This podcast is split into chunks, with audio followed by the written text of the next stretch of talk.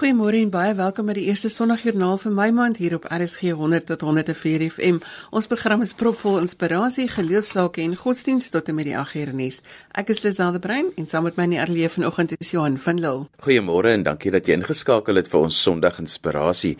Vanoggend is ons stories wyd versprei en ons hoor van Nico van Sail van die Baptiste Kerk in Kempton Park oor sy werk in Afrika en Dominee Gustaf Opperman van die Matlabas gemeente vertel van hulle 100 jaar geskiedenis is.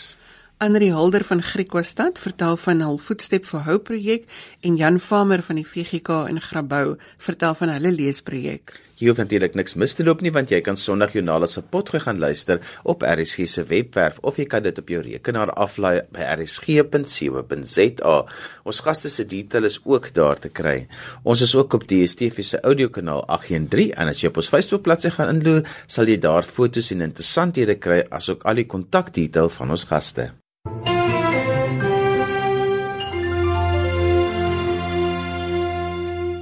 In die hartjie van die Bosveld in Limpopo is die gereformeerde kerk Matlabas tussen die bome weggesteek. Die gemeente vier hierdie jaar hulle 100ste bestaanjaar en Dominee Gustaf Opperman gesels vanoggend met ons oor hierdie geloofsgemeenskap. Goeiemôre Dominee Opperman. Goeiemôre Lisel, baie dankie dat ek hier kan deelneem. 100 jaar is 'n groot mylpaal vir 'n geloofsgemeenskap om te haal. Hoe lyk die geskiedenis van Matlabas? Ja, dit is nie maklik om 'n 100 jaar nou in 'n paar sinne op te som nie.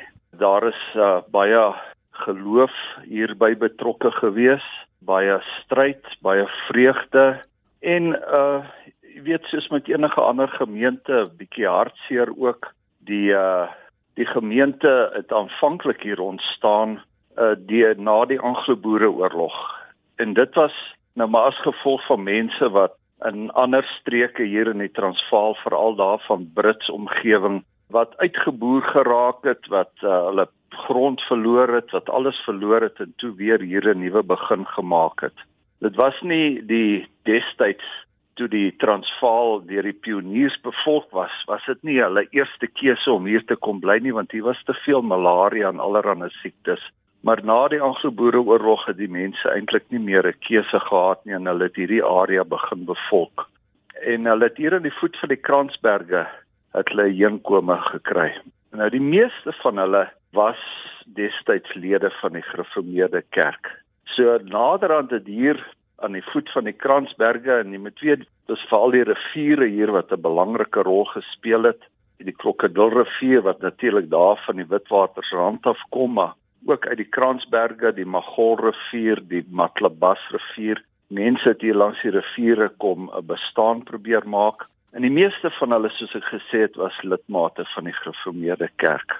So hier het toe nou later uh die behoefte ontstaan dat hulle kan nou nie meer 'n wijk wees van Krokodilrivier gemeente wat daar by Brits is nie. Hulle moet maar hulle eie gemeente hier stig. Maar dit was 'n uitgestrekte gebied. Hoor as jy nou praat van vandag se terme, praat jy van sê maar van Ellis ras af uh tot by Northern. Ek weet nie hoe goed die luisteraars bekend is met hierdie deel van die Wes uh, Transvaal wat vandag as Limpopo bekend staan nie maar dit is 'n geweldige uitgestrekte gebied en redelik uilbevolk uh soos ek sê tot op die stadium dat die mense hier ingetrek het.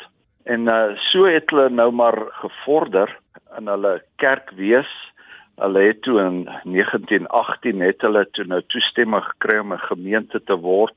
Baie lank was hulle maar deur konsulente bedien. Sekere tye was hulle predikantloos geweest was daar maar wijksdienste gehou want hulle kon nie by mekaar kom op 'n bepaalde punt nie. Maar hier waar die kerkgebou vandag staan, hier bietjie af met die Matlabats rivier, het hulle 'n toe staanplek gekry en was daar toe gereeld nagmaal gehou van daardie tyd af. Demi, watter uitdagings is daar vir die gemeenskap vandag? Weet jy, die karakter van die Bosveld het verander. Nou weet ek nie hoe dikwels kom jy in die Bosveld nie, maar die, die Bosveld was eers 'n gewone boere beeswêreld gewees as ek dit so mag stel. Uh, en vandag is dit hoofsaaklik wildsboerdery en jy kry 'n groot komponent van uh, wat ons nou noem naweekboere.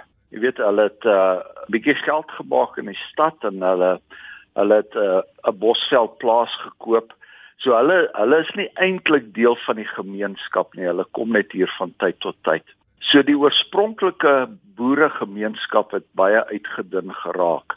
Ek dink dit is een van die uitdagings van hierdie gemeente jy weet om voort te bly bestaan want jy weet ons is hier in die middel van nêrens dit is regtig uh, 45 km van Tabazimbi af amper 100 km van uh, Lepalale af is hier 'n ou kerkie in die bos. Daar's nie 'n gemeenskap wat uh, kerkie aan die gang kan hou nie uh, as ek dit so mag stel. Behalwe die oorspronklike lidmate wat deur al die geslagte maar kom maar dan ook moet ons ook sê ons is baie dankbaar. Hier is ook van die mense wat nou kan ek sê die nuwe generasie wildboere is wat ook wel by die gemeente inskakel. En uh eintlik is dit eintlik 'n besonderse genade wat ons kan van kan getuig en dit is dat hulle nou al die afgelope uh, bykans 6 jaar wat hulle voltydse predikant onderhou met net so wat 80 belydende lidmate en ek dink dit is dit is nogal iets uh, wat 'n mens kan getuig van die Here se seën oor dit wat hier gebeur. En hoe gaan julle nou die 100ste bestaanjaar vier? Dis nou 'n groot opgewondenheid. Die boom wat die kerk onder ontstaan het, ek het net nou vir jou genoem daar teen die uh, hange van die Kransberge daar waar die oorspronklike inwoners was staan 'n tamboti boom waaronder die kerk ontstaan het en uh, hy lê nou binne die uh, Marakele wild uh, reservaat. So dit is nie 'n eenvoudige saak om deesdae by daardie boom uit te kom nie, maar met die goedgesindheid uh, van uh, die mense wat hierdie plek bestuur hier langs die kerk, die wildreservaat gaan ons die Saterdagoggend van die fees gaan ons na daardie boom toe optrek. Uh deur die wildreservaat, dit gaan 'n hele onderneming wees. Dit is gedoen met die 90-jarige fees en toe is daar omtrent so 'n stuk of 70 mense wat uiteindelik by die boom uitgekom het. Uh ons sit verder in daardie selfde Saterdag, ek praat nou van Saterdag die 9de, uh het ons hier 'n onthulling van 'n steen hier teen die kerk gebou waar uh, ons nou hierdie 100-jarige geleentheid gaan gedenk. As die Here wil, gaan ons hier 'n ossewa opstel met 'n tent soos dit destyds was met nagmaal. Jy weet waar die mense hier kom nagmaal hou het. Ons het 'n uh, 'n DVD oor die kerk se geskiedenis en oor sy ontstaan wat ons nou in produksie is om te maak. Uh die DVD gaan dan ook bekend gestel word. Ag en dan het ons natuurlik die hoogtepunt Sondag is ons erediens en so meer en ek kan die mense beloof wat na hierdie fees toe kom dat hulle baie lekker gaan eet. Soos net hierdie Bosveld mense kos kan maak, gaan hulle baie lekker eet. Dan as dan nou van julle oud lidmate is wat uh, wil kom aansluit by die 100 jaar vieringe, waar sal hulle kan inligting kry? Die persoon wat hulle moet skakel is Jackie Tenison. Haar telefoonnommer 078 627 7816. Nou gaan dit sommer herhaal ook want dan hoef jy dit nie te doen nie. 078 627 7816. Dominee Opperman baie dankie vir die samegesels vanoggend van die Matlabas gemeente in Limpopo en baie sterkte met die volgende 100 jaar wat voorlê. Baie dankie Lisel. Dr Gustaf Opperman het gesels met Lisel oor die Matlabas gemeente in Limpopo wat hierdie jaar 'n hele 100 jaar oud is. Goeiemôre as jy sopas ingeskakel het. Jy luister na Sondagjoernaal saam met Johan en Lisel en Niels ons produksieregisseur. Gemaak gerus 'n draai op RSG se webblad by rsg.co.za vir inligting oor RSG se programme. Jy kan ook gaan aansluit by ons sosiale media gemeenskap op Facebook. Like ons bladsy daar en al ons programinligting is ook daar gelaai. En onthou Sondagjoernaal daar word met 'n koppelteken geskryf. Volgende aan die beurt is dit Nico van Sail. Nico van Sail is van die Birchley Baptiste Gemeente in Kempton Park en ons gesels vanoggend oor sy werk en geloofspad. Goeiemôre Nico. Goeiemôre. Nico, jou werk neem jou reg oor Afrika. Vertel vir ons wat doen jy? Ek is 'n sendeling in uh, Bushie Baptist Gemeente in Kempton Park en ek uh, werk al as uh, 'n sendeling daar vir 'n uh, 4, 5 jaar. Ek het begin by kerkplanting en evangelisasie bediening in Tembisa, maar een van die groot bedieninge van ons kerk is African Pastors Conferences. En uh, ek het in 2016 het ek begin daar werk as die konferensiebestuurder, Irving Steggles en Errol Half het die bediening begin omdat hulle gesien het die groot behoefte in Afrika vir goeie teologiese opleiding en baie pastore regoor en dominees regoor Afrika het nie regtig die geld om na 'n teologiese instansie toe te gaan nie. So baie van hulle kerke is erg in dwaling betrokke en hulle hulle is nie regtig volgens die Bybel gegrond nie. So omtrent 12 jaar gelede hierdie bediening begin en nou op hierdie stadium met ons oor die 50 konferensies wat ons behartig reg oor Afrika elke jaar. Dis twee dag konferensies en elke jaar begin ons met 'n nuwe tema. Hierdie jaar is Preaching Salvation. So ons is betrokke omtrent 12 lande op die oomblik, sover as Nigerië, Kenia, Malawi, ehm um, en baie lande in Suidelike Afrika is ook. So ons doelwit is om dan sprekers te kry in Afrika en ander lande, meestal in Afrika want ons gewoonlik twee sprekers by 'n konferensie wat 10 praatjies doen en dan het ons 'n question and answer session aan die einde van die konferensie. Dit gee hulle die geleentheid om vrae te vra aan pastore en Bybelonderwysers wat die Bybel goed ken en dan ook meer te leer van die Bybel en dan beter opgelei te word in die woord van God. So die ander deel van ons eh, bediening is om boeke te kry van reg oor die wêreld. Ons het ons het 'n uh, verhoudinge met uitgewers in Amerika en die Verenigde Koninkryk waar ons boeke kry omtrent 30% van die gewone prys wat mense koop in in in boekwinkels. En dan maak ons hierdie boeke goedkoop pryse. En dan aan die einde van elke konferensie dan gee ons ook boeke verniet weg vir elkeen wat 'n pastoor of 'n Bybelonderwyser is. Die die doel van ons bediening is om die kerk in Afrika op te lei en pastore op te lei en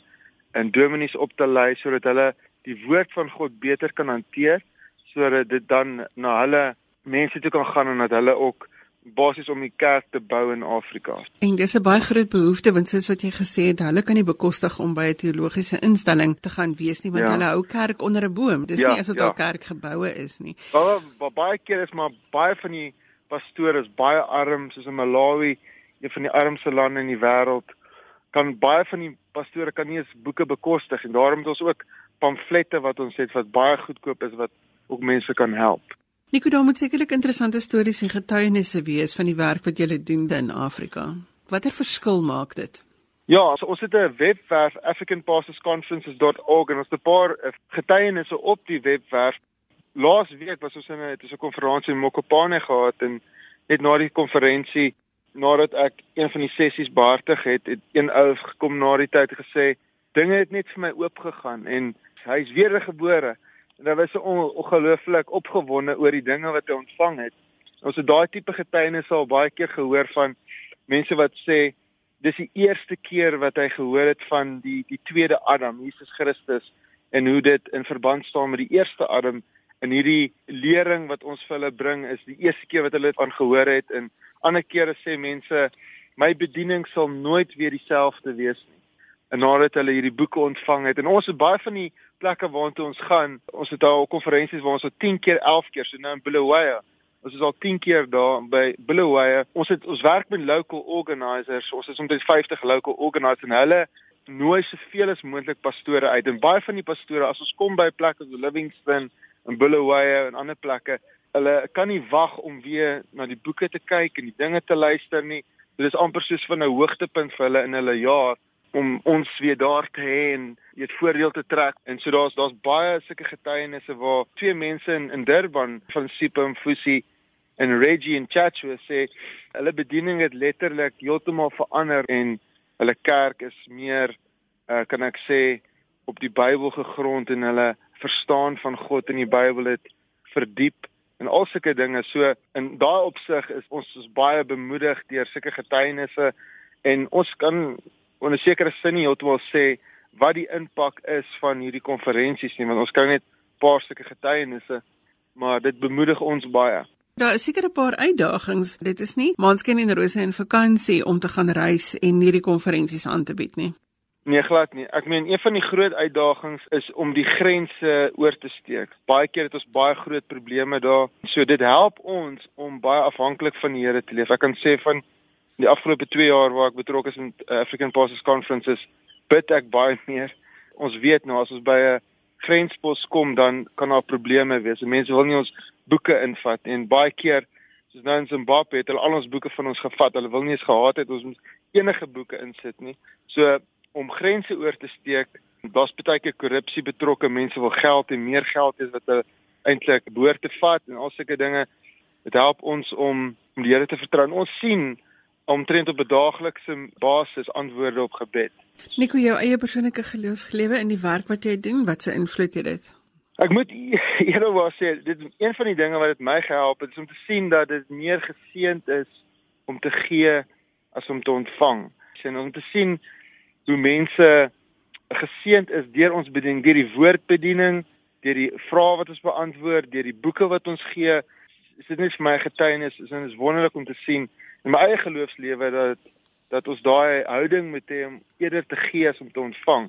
Natuurlik moet ons ook altyd ontvang en dit het ek ook al gesien in die bediening baie keer leer ek van ander sprekers en verdiep my kennis in die skrif en dit maak dat ek God beter aanbid maar ook dan om wanneer ek preek en wanneer ek uh, gee om te sien hoe hoe dit ander mense sien. So dis twee dinge. Ander dinge is is my geduld geleer. want uh, in Afrika, ek weet nie die tydsverskil, mense is nie altyd tydsgeoriënteerd soos westerse mense nie. Maar om te sien dat ehm uh, op 'n grensposte mense is nie altyd gewillig om jou dadelik te help en so aan nie. My geleer in om meer geduldig te wees met ander mense in Afrika en uh ook in om daai deel van die vrug van die gees te te openbaar. Ander ding wat my geleer het is om te sien dat die kerk baie groot is en daar daar baie baie gelowiges, diep gelowiges reg oor Afrika. Konferensies in vir 'n maand in Nigerië gedoen. Die kerk onder vervolging daar is is net wonderlik om te sien hoe hulle die Here aanbid, hoe hulle groei in hulle geloof, hoe hulle vas staan wanneer daar waar hulle so erg vervolg word daar in die noordelike dele van Nigerië. Ons is daar uh, 'n uh, maand terug om te sien ook dan hoe die Here ons beskerm want ons gaan baie keer in moeilike gebiede in. Ons gaan plekke na waar daar vervolging is en ook ander kere ons ons ry in paaie wat wat heeltemal, jy weet, padtals oral is en is gevaarlike paaie in Malawi en ander plekke. Here se beskerming te ondervind en sy getrouheid dat hy sy beloftes uh, vervul in ons lewens oor en oor. So dis wonderlik. Nico baie dankie vir die saamgesels vanoggend. Dankie. Nico van Sail is 'n ouderling in die Baptiste Kerk in Kempton Park en het met Lisel gesels oor sy werk in Afrika. Dit is nogal waar dat Gees soveel meer vreugde verskaf as om te ontvang. As jy sopas ingeskakel het, sê ons goeiemôre. Jy luister na Sondagjoernaal met Johan en Lisel en jy's net betyds om te hoor hoe Jan Farmer in sy gemeenskap 'n verskil maak. Die kerk gee hierdie jaar spesiale aandag aan vroeë kindontwikkeling en deur middel van die Nali Bali leesprojek word kinders ook aan geloofstories bekend gestel. Jan Farmer is 'n gemeentelid in Grabouw en hy help ook om op hierdie projek te fokus, maar hy doen ook ander werk met kinders. Goeiemôre Jan. Goeiemôre. Jan, vertel vir ons hoe werk die leesprojek waarby jy betrokke is en wat is die ander werk wat jy met kinders doen? Voor ek by die leesprojek kom, wil ek net vir julle agtergrond gee hoe ek by die leesprojek uitgekom het omdat die Here my geskaap het met 'n passie vir die gebrokenes, veral kinders, het ek 14 jaar gelede die behoefte gevoel om Christus aan die gemeenskap te bekend te stel, soos omskryf in Lukas 4:18. Die Gees van die Here is op my omdat hy my gesalf het om die evangelie aan die armes te bring en die verbreedes van hart te genees. Die fokus het na die kerk geval op kinders, omdat die Heilige Gees my oortuig het dat ons nie die mense bereik nie So met die gevolg het die projek verander om betrokke te raak. Die werkwyse het gegaan soos ons het verhoudinge met die mense begin opbou met deur-tot-deur besoeke. Die noodsaaklikheid van ouer en kind verhouding is beklemtoon. Verhoudings met ouer en kind is opgebou deur opregte belangstelling. Kinders tussen die ouderdom 7 tot 13 is geteken. Ons het hulle bygestaan tot by die ouderdom van 18. Aktiwiteite was positiewe beïnvloeding en morele ondersteuning, die bou van menswaardigheid deur selfontdekkingskampe. Een tot een gesprekvoering vind plaas en kinders word ook aangemoedig om regte keuses te maak. Hulle word dan aangemoedig om hulle ouers te respekteer ongeag van dwelm of drankmisbruik. Die gevare van rook wat lei tot dagga en tikgebruik word uitgewys. Fisiese ontwikkeling van plaas deur middel van staptoere, bergklim ekspedisies, sokker en rugby. Verlede jaar het ses kinders uit 'n groep van 20 weens armoede uit die skool gedros. Twee seuns onder my beheer, se vader is nou vir 19 jaar in die gevangenis. Dit het hulle selfvertroue geknou want niemand kan die leemte van die afwesigheid van 'n eie vader vul nie. Jan, in die leesprojek waarby jy betrokke is, hoe werk dit presies? Verlede jaar is 'n is 'n leesprojek met kinders ouderdom tot 12 jaar onder leiding van die NG Kerk Bjawel gestig. Daar was eers 'n poging om gesonde selfbou deur Psalm 8 te beklemtoon, asook Genesis 1:27 sodat hulle bewus is dat hulle volgens God se beeld geskape is en met eer en heerlikheid gekroon is. Die kyk sien toe dat ek die leesstof van Nalibali ontvang en word die kinders se leesvermoë hierdeur verbeter. Daar word hardop vir hulle voorgeles en doen hulle ook tekeninge, maar lees hulle ook self vir mekaar en ondersteun hulle mekaar waar persone nie kan, goed kan lees nie. Hierdie byeenkomste vir Woensdag namiddag plaas. Donderdag namiddag word graad 1 deur 'n dame onder hande geneem en hierdie kinders het geen voorskoolse onderrig ontvang nie en word lalibali leesstof en prentjies ook aan hulle voorgehou en doen hulle die tekeninge. Maar voor ek met die lalibali uh, uh, lesies begin, praat ons eers geestelik met hulle en dit bou hulle self beeld en dan word die leesprogram aan hulle voorgehou. Ja, dit is seker moeilik om vir die kinders te leer om nie hulle ouers se voorbeeld te volg nie, want as die ouers betrokke is by dwelms en drank en misdaad wat hulle in die tronk laat beland, dit is baie belangrik dat daai siklus gebreek word en dat dat die kinders 'n ander voorbeeld moet kry. Ja, dit is moeilik en daarom vat ek byvoorbeeld 4 kinders op 'n keer, dan gaan ek op 'n stap toe en praat ek met een vir een En dan sê ek vir hulle, julle moet die keuse maak want dit is baie privaat om met 'n kind te praat oor sy ouers. En dan sê ek, moenie volg wat jou ma of jou pa doen nie, maak jy die regte keuse want op die ouens gaan jou keuse bepaal waar jy gaan opeindig. Dit veroorsaak natuurlik baie pyn by die kinders oor hulle ouers se betrokkeheid in dwelms. Want ek probeer uh, nou die vaderfiguur vir hulle speel en maar ek kan nie regtig die leemte vul vir hulle nie maar die Here se genade kan ek tog sien hulle luister en dit is my opvallend om te sien hoe die kinders se gedrag deur die liefde wat ek vir hulle gee, die opregte liefde, hoe die kinders stap vir stap verander. Van die Nalibari uh, program het 'n jaar gelede begin met moeilike kinders, maar ek kan vir u sê na 'n jaar is daar vordering. En ek kan net dit vandag sê deur die liefde van Christus wat hy in my hart geplaas het, wat hy die passie in my hart geplaas om met sy kinders te werk. So jy kan duidelik sien dat daar 'n verskil is by die jong mense deur die feit dat jy jou huis vir hulle oopmaak, dat jy jou hart vir hulle oopmaak en dat jy vir hulle leer van verhoudings bou. Ja, ek kan die duidelike verskil sien want uh een ouetjie wat se pa 19 jaar in die gevangenis is, hy's nou 20 jaar oud en hy hy's 'n voorbeeld en ek gebruik hom as 'n mentor vir die ander kinders. Alhoewel dit nie vir hom 'n passie is, ek kan net al die kinders sê hierdie is my voorbeelde en volg jy die voorbeelde. En byvoorbeeld maar dit sê baie van my om om om, om wanneer ek myself prys gee. En maar as ek sien wat die reaksie is en hoe die kinders gegroei het en hoe hulle nie in dwelms verval het die, die wat ek met 10 jaar gelede begin het, dan kan ek net sê die Here moet die eer kry. Jan, ek kan nie anders as om te vra jou eie geloofslewe, hoe groei dit met hierdie jong mense met wie jy werk nie? Watter impak het dit op jou eie geloofslewe?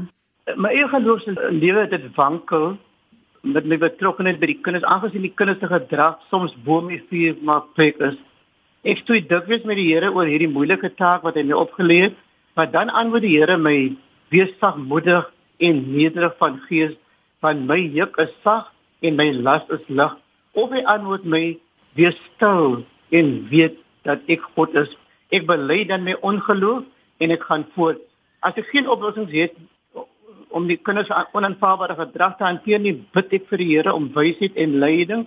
En omdat ek 'n praktiese Christen is, gaan ek telke male terug na Jakobus 4:14 wat sê: "Wat baat dit my broeder as iemand sê dat hy die geloof het en hy het nie die werke nie? Die geloof kan hom tog nie red nie." Wanneer ek sien hoe die kindertjies geleidelik ontpop en ten goeie verander, En as, en as ek ook in die gemeenskappe waarneem hoe baie kinders steeds staande bly besef ek ek is besig met God se droom vir die geskepte lewens en dit is ook God wat my die krag en genade gee om steeds staande te bly. Sonder geloof is dit immers onmoontlik om God te behaag. Jan baie dankie dat jy vanoggend 'n stukkie van jou hart en 'n stukkie van jou storie met ons gedeel het. Dankie vir die saamgesels. Baie dankie. Is die stem daarvan Jan Farmer van die VGK gemeenskap in Grabouw. Andri Holder is van die voetspore van Hoop projek in Griekwastad en ons gesels vanoggend met haar oor haar werk en geloof. Goeiemôre Andri. Goeiemôre Lisel. Vertel ons van die voetspore van Hoop projek op Griekwastad. Dit is 'n wonderlike projek wat die laaste 2 jaar begin is. Dominee Piet Otto van die NG Kerk in Griekwastad wat al 'n hele paar jaar hierso is en was, het het gevoel dat daar dat daar behoefte is om iets meer in die in die baie gemeenskap in Griekwastad te doen. En hy het gevoel die Here druk dit sterk op sy hart en dis net maar 'n manier hoe die Here op op op vreemde maniere werk.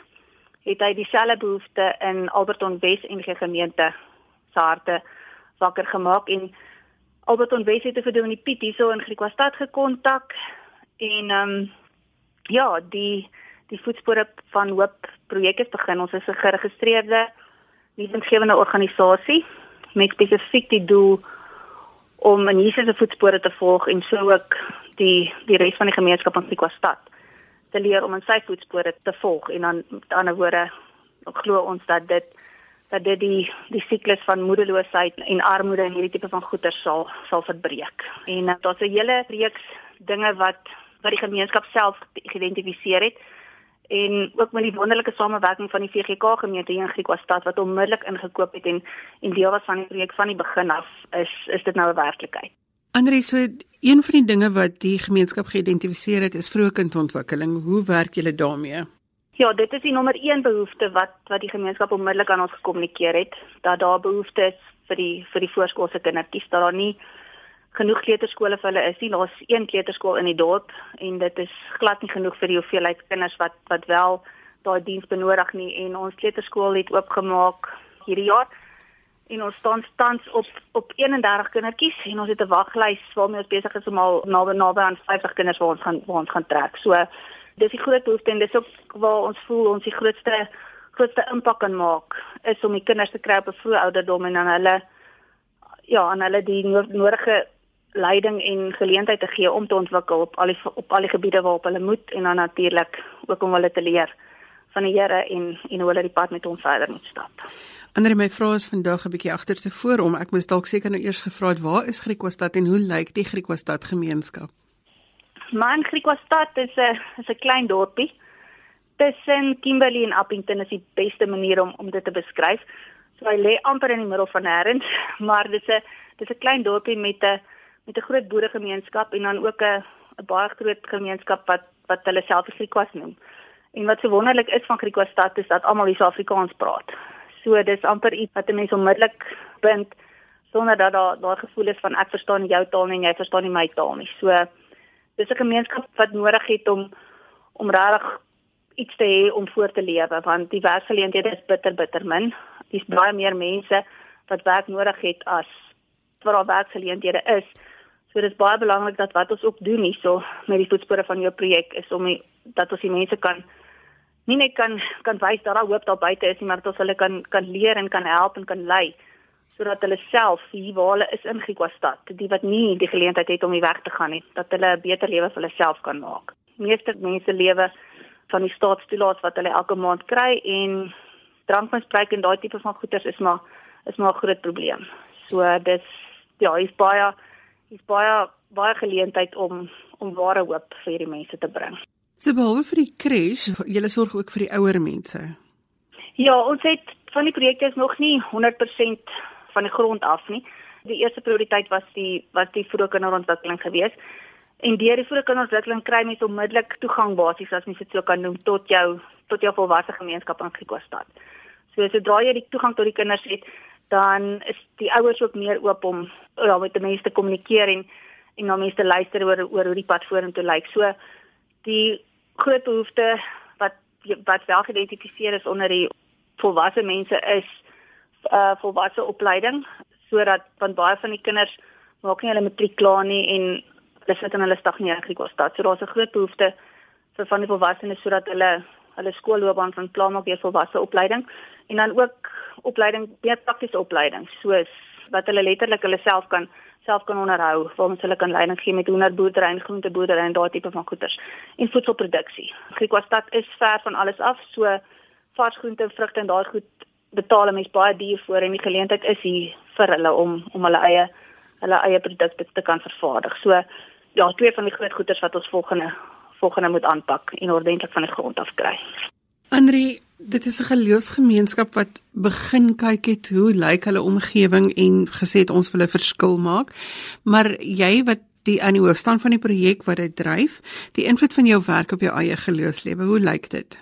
Man Lazel, dis um ek het net ek het net weer eens besef mense kan planne maak in jou eie lewe, maar as die Here 'n paadjie vir mens uitgelê het, dan dan is dit op die ouende waar mens beland. Um ek is nie ek is nog nie lank in Griekstad nie en ek glo regtig die Here het my hier geplaas met 'n doel. En ek was vir 20 jaar in Bloemfontein gewees en daar betrokke by 'n by 'n organisasie vir 11 en 'n half jaar en vir 2 jaar was ek terug in die korporatiewe wêreld en um ek het net ek het net besef daar's daar's meer in lewe en die Here het letterlik my uit Bloemfontein uitgevat en my in Griekstad kom sit en ek het net besef dat um, ons geloof is baie keer so klein en ons kan baie keer so so moedeloos raak, raak met ons eie omstandighede. En dan kom hy net weer en hy en hy wys vir ons maar uit jou omstandighede uit wil ek jou op 'n plek sit waar waar daar mense is wat nog wat in erger omstandighede is en waar waar ek jou wil gebruik om om om vir hulle te kan hoopbring. En wat van net so wonderlik is is mense wat ja, wat net wat die Here net hulle hy maak net dinge in hulle harte wakker en hulle hulle raak betrokke en hulle gee van hulle self sonder om enigsins iets terug te verwag. Die die gemeenskap in Griekwastad self hoe hulle die Griekwa gemeenskap eienaarskap van hierdie projek gevat het en sonder om iets terug te verwag, sonder om iets te vra, maar dat hulle die groter doel doel sien van wat die Here in gedagte het en as ek al hierdie dinge sien en elke dag ervaar dan kan 'n mens nie dan kan 'n mens nie anders as om as om te besef dat ons 'n wonderlike en en groot God dien nie en dat dat sy wil op die einde geskied nie. Maak nie saak hoe ons plannetjies met ons eie lewens maak nie. Hy hy het 'n doel met elkeen van ons op sy besonderse manier. Ander julle is twee geloofsgemeenskappe ver uit mekaar uit wat besluit het om hande te neem. Wat kan ons positiewe inspirasie boodskap wees hierdie week vir ander gemeentes wat luister oor hoe om in aksie te kom om dieselfde te doen om 'n verskil te maak in jou eie gemeenskap? Dis aleks sê om verby die redes en die verskonings te kyk hoekom mense dit nie kan doen nie en hoekom dit nie gaan werk nie. En om werklik te besef dat ons 'n dat ons 'n groot God dien en dat dat niks vir hom onmoontlik is nie. Dat hy ons op aarde geplaas het juis met daai doel om sy koninkryk uit te brei. En dat daar baie redes is wat ons kan gaan kan gaan uitdink en wat ons kan sien in vandag se se lewe hoekom iets nie gaan werk nie en hoekom ons dit nie moet doen nie.